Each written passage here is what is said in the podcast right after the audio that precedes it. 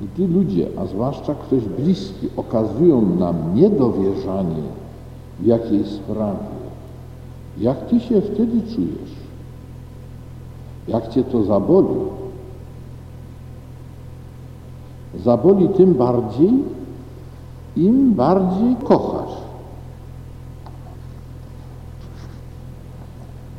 Dlatego niedowierzanie Panu Bogu jest po ludzku mówiąc wielką przykrością dla serca Jezusowego. Jest obrazą Boga.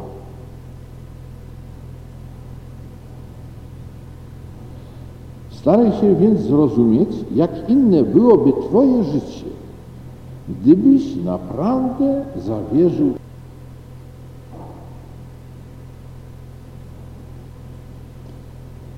I tak, cierpienia z dopustu Bożego nie wywoływałyby w Tobie sprzeciwu, ale przyjmowane by były jako łaska.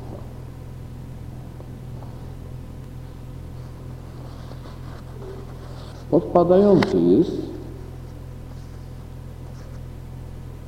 dzisiaj, jak wiele, coraz więcej kobiet, a nawet mężczyzn, nosi wiele jakichś klejnotów, naszyjników, pierścionków, nawet przy pracy. Teraz kilka pierścionków będzie jakaś taka pani.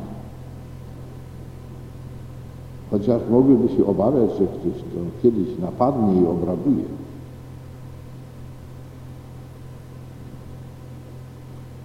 Ważniejsze, bo niezniszczalne są perły i klejnoty duchowe, nadprzyrodzone. Najpiękniejszymi klejnotami, najcenniejszymi okażą się we wieczności cierpienia. Zastanówmy się, jakie jest zadanie tego klejnotu ziemskiego. Możemy różne. Po pierwsze, podnieść urodę na co dzień, a zwłaszcza na jakimś przyjęciu, w gościnie. Po drugie, podkreślić, że się ma zapas mienia, że nie stać na to, że ja mogę sobie taką rzecz kupić. Po trzecie, pierścień ślubny na przykład może świadczyć, że się posiadło czyjeś serce, czyjąś miłość. Niektóre zakonnice noszą pierścionki ślubne.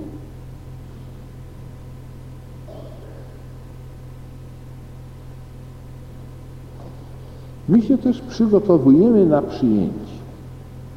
I to z kimś najdostojniejszym, bo z Bogiem w Trójcy Świętej Jedyny, urządzającym ucztę wieczną, której początkiem jest msza święta.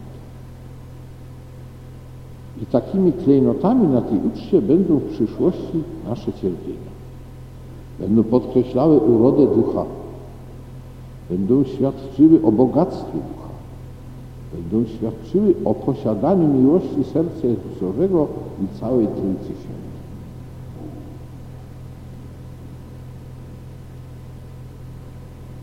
Starajmy się zrozumieć drugą jeszcze wartość cierpienia.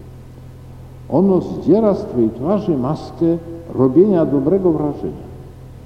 Wrażenia lepszego niż jest naprawdę. Cierpienia przywracają autentyczność człowieka.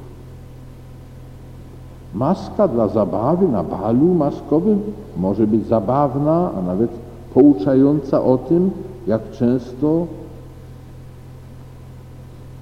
sądziłaś po pozorach, albo za kogo lubisz uchodzić, ale w codziennym współżyciu jest kłamstwem, może nawet zakłamaniem. A najgorzej, jeśli ulegasz złudzeniu, że Bóg nie zna Ciebie naprawdę. On, sama prawda chce, byśmy byli Jego obrazem, Jego odbiciem. Dlatego musimy Mu zawierzyć i w każdej sytuacji, trudnej sytuacji, ale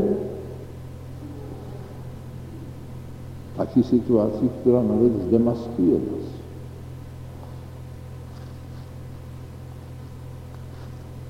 Staraj się patrzeć na siebie krytycznie.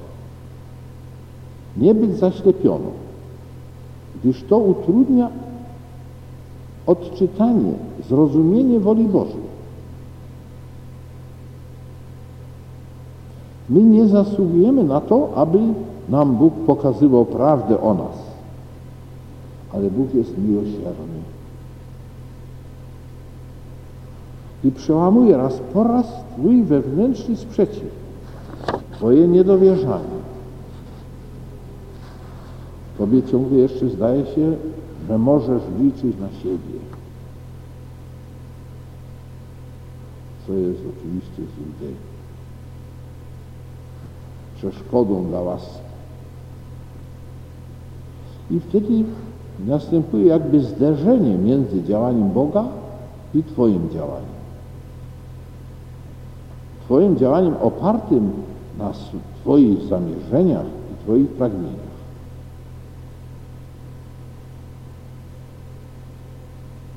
Oczywiście działanie Boga jest silniejsze, dlatego musisz to odczuć, gdy nie chcesz zrezygnować ze swego ja. Taka jest rzeczywistość. Zawierzyć Bogu naprawdę potrafisz dopiero, gdy Bóg pozostawi Cię Twojej słabości, zmiażdży Twą pychę i pewność siebie.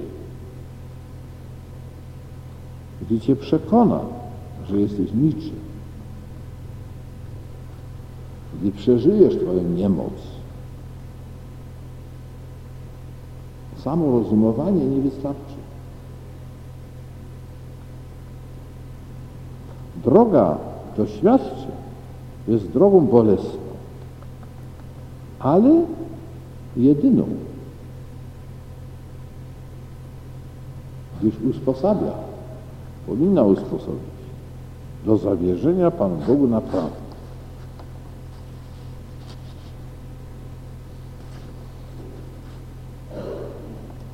Czy tak wielka łaska nie woła o Twoją wdzięczność? Czy wobec tego decydujesz się dziękować Panu Bogu? Za co? Za cierpienie. Za to, że otrzymujesz klejnoty wspaniałe. Za to, że się przekonujesz, że jesteś niczym. Spróbuj za to dziękować. Rozpocznij. Może już kiedyś próbowałeś. Rozpocznij na nowo. Pan Jezus oczekuje naszego całkowitego zawierzenia. Nasza nieufność sprawia Jego sercu wielki ból.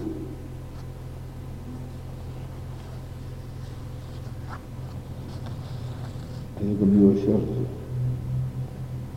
właśnie domaga się tego, żeby Mu bezgranicznie zaufać, żeby Mu zawierzyć.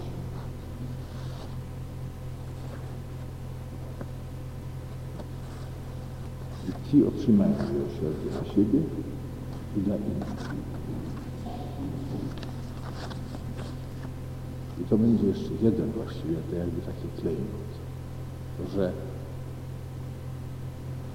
te wszystkie dusze, które przez Twoje zawierzenie, przez Twoją ufność do miłosierdzia Bożego otrzymają łaskę, to nie zginą.